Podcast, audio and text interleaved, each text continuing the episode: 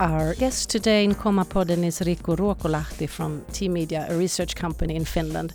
Welcome to Komma-podden. Thank you so much. A pleasure to be here. We take this in English. We could take it in Finnish or Swedish, but we take English. Yeah, the fin- Finnish would be, of course, easiest for me. Uh, but, my Sweden is m- my weakest language of them all. So English is probably the language that everyone can understand. And of course, we are talking about reputation and trust, so it's it's perfect. Yeah. You and your colleagues have developed the model used in Finland and 44 other countries for many years to measure companies' reputation. For example, 19 of the top 25 largest corporations in Finland are using this model in their business development. Indeed, they are. They are uh, tracking, managing, and making decisions based on the data analytics that we provide them through this reputation and, and trust model to of course, understand and to manage their intangible assets, which reputation is for the company. And now Komma is introducing reputation and trust in Sweden. How can you describe what makes this different from other methods of measuring a company's reputation? Basically, there are different layers in, in reputation. One is, of course, to measure and understand what the reputation is. That's kind of level one. But to actually understand how this measured reputation affects your business and what to do to make your business better. That's the data analytics that we provide, and that's what the companies that uses the model love. It makes them, it kind of makes them ability to to do uh, uh, evidence-based decision making. And you have eight different dimensions yeah of reputation that you, yeah. that you track. Can you describe them?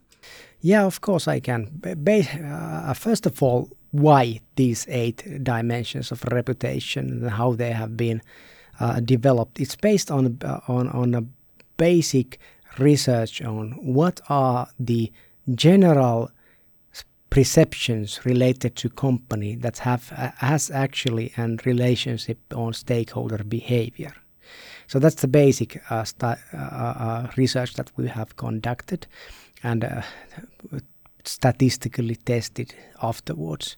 And those we have the eight dimensions which we have have formed, and those are the dimensions that actually do have an uh, quite high statistical relationship between the stakeholder support and the measured amounts. So the actual dimensions, the first of all is, is, is, governance. It's of course called the governance, but if you go into the actual uh, dimension, it includes things that, uh, of course, is the company uh, transparent uh, and so on. But but also, how does it actually act in its business? Is it is it fair or what what, what is it? uh, that's pretty interesting dimension of reputation as people tend to uh, forecast how companies behave based on how they have experienced that they do behave in their Previously. business. Exactly. So it's based on kind of a game theory. Then of course there is the financial performance. That's uh, that's financial performance, a perception on that of course affect. Um, then there is uh, how the company is managed. Where is it directed and does it have a good managers and so on. And of course, the company's ability to uh, renew themselves, uh, innovation. So, uh, so called. That's a perception of people might have that how how companies are able to do that. And then, of course, the dialogue. How does a company uh, communicate with its stakeholders. Or, of course, it's also important to understand that what kind of feeling people do you have? Does a company actually listen and understand its surroundings? If you look at that kind of perceptions and a kind of a think them through, what kind of company is that does not listen and understand its stakeholders? it's called an arrogant company. So that's a definitely uh, uh, dimension of reputation, which is also uh, kind of a connected into the governance part because people tend to evaluate companies, of course, based on the perception, but the perception is very much uh, create from created from the experience. But you can also have interaction, and sometimes it's a good interaction, and sometimes yes. it's not a good interaction. Yes, yes, definitely. If a, if a company, let's say, there would be a company that would be the world's best company in listening and understanding its stakeholders, they would have rooms around Stockholm where people can go and talk to the company, and they all this data would be driven and and uh, taken to the board of this company, and they would actually go through it, but never answer. so it's about experience very much. So you actually, it's like talking. Uh, you really have to nod to me or say mm, or something that I feel. Everyone has to be talking to uh, a mobile when it kind of the other line goes empty. and Not any scratch, not anything. You kind of feel, whoa. So that's that's very much in the heart of dialogue. That's why it's called a dialogue. Then, of course, products and services. Uh, that's uh, very important. That's the kind of end result that companies do for their customers, and and, and tends to show us as an important uh, part of reputation, of course. But uh, there is also the workplace image. What kind of place is that company to work for? It's companies tend to look at themselves, what kind of employer we are, but people tend to look at what kind of place a company is that to work for. Uh, and and uh, that is a uh, dimension of reputation that we find uh, sometimes strong relationship depending on the context of, of, of of what the business is. What is the eighth dimension? What might it be? Hmm, I don't remember.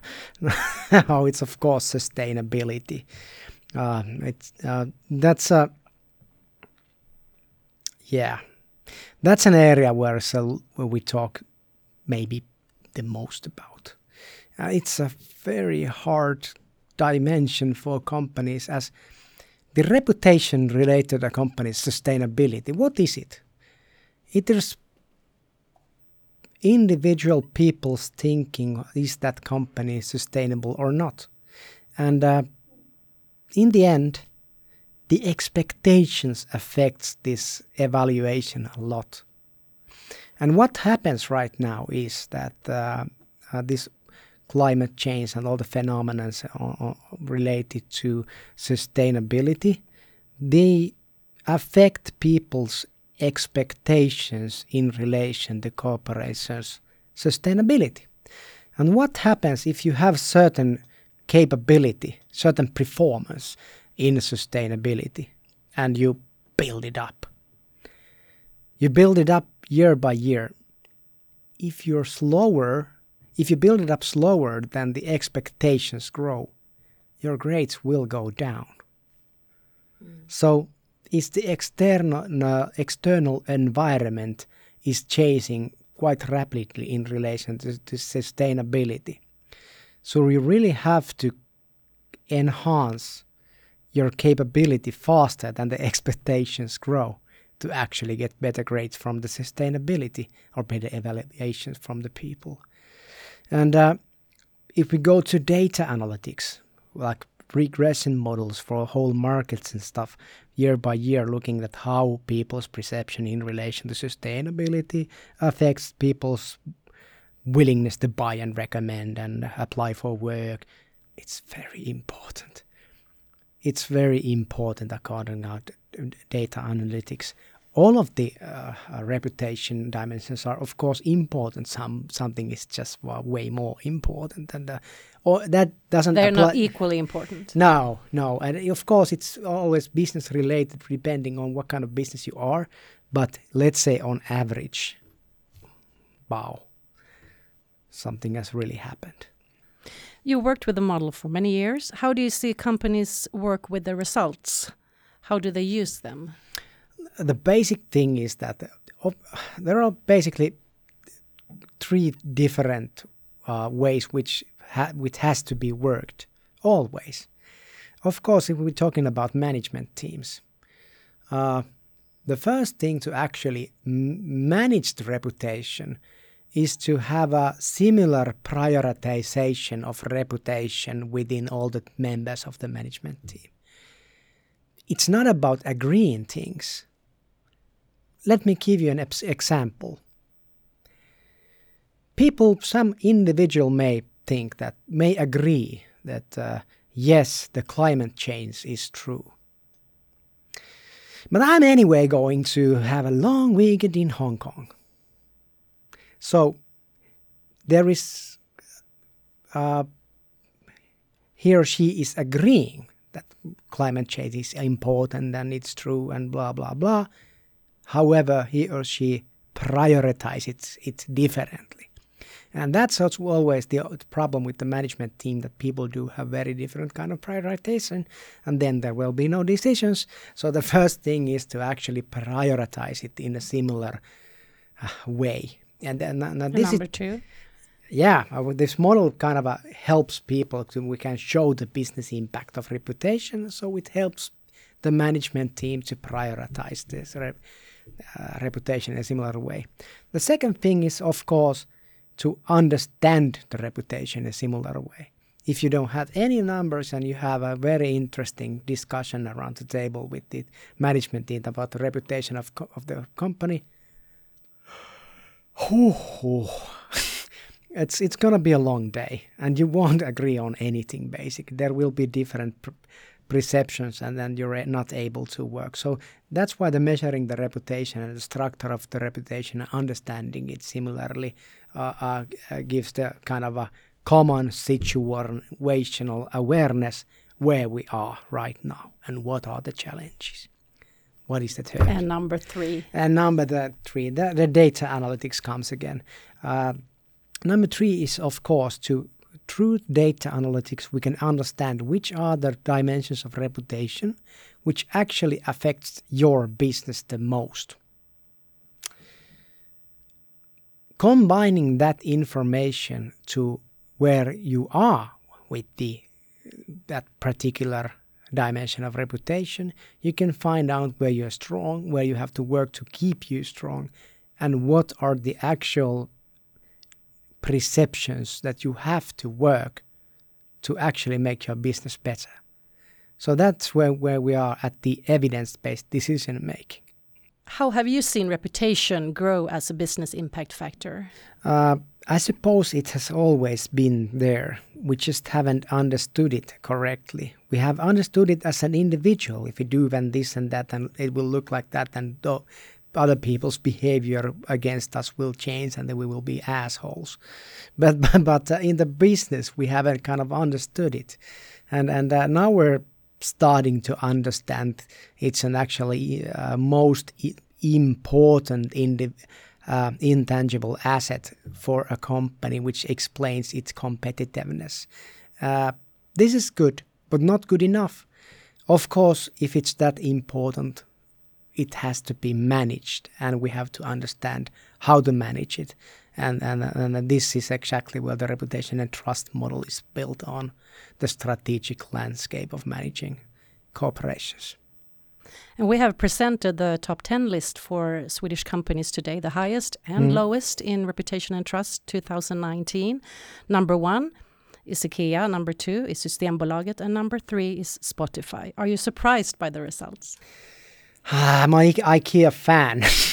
so I'm not su surprised by that. Uh, IKEA's home market. It's a beautiful company. It, it, you can tell it's very well led company uh, visiting. Almost everyone has a relationship to it. Exactly, and you can visit it anywhere in the world, and it's always, always good.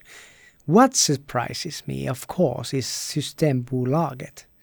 Uh, Systembolaget is a uh, company which is in a special position, let's say, let's say like that, say it like that, and and, and it's could be possible that it could draw criticism as well for the company. But but uh, yes, I've known that Systembolaget is very well led company, and this proves it right.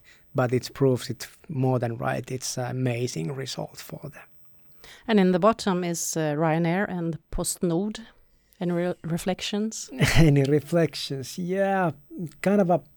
I do have a lot of reflections, maybe too much, but uh, they have some work to do. Yes, they have some work to do. Uh, Ryanair has always been pushing the boundaries, kind of, of of uh, making the uh, airline business to a bus company or something like that. But they might have pushed it just too far nowadays. PostNord.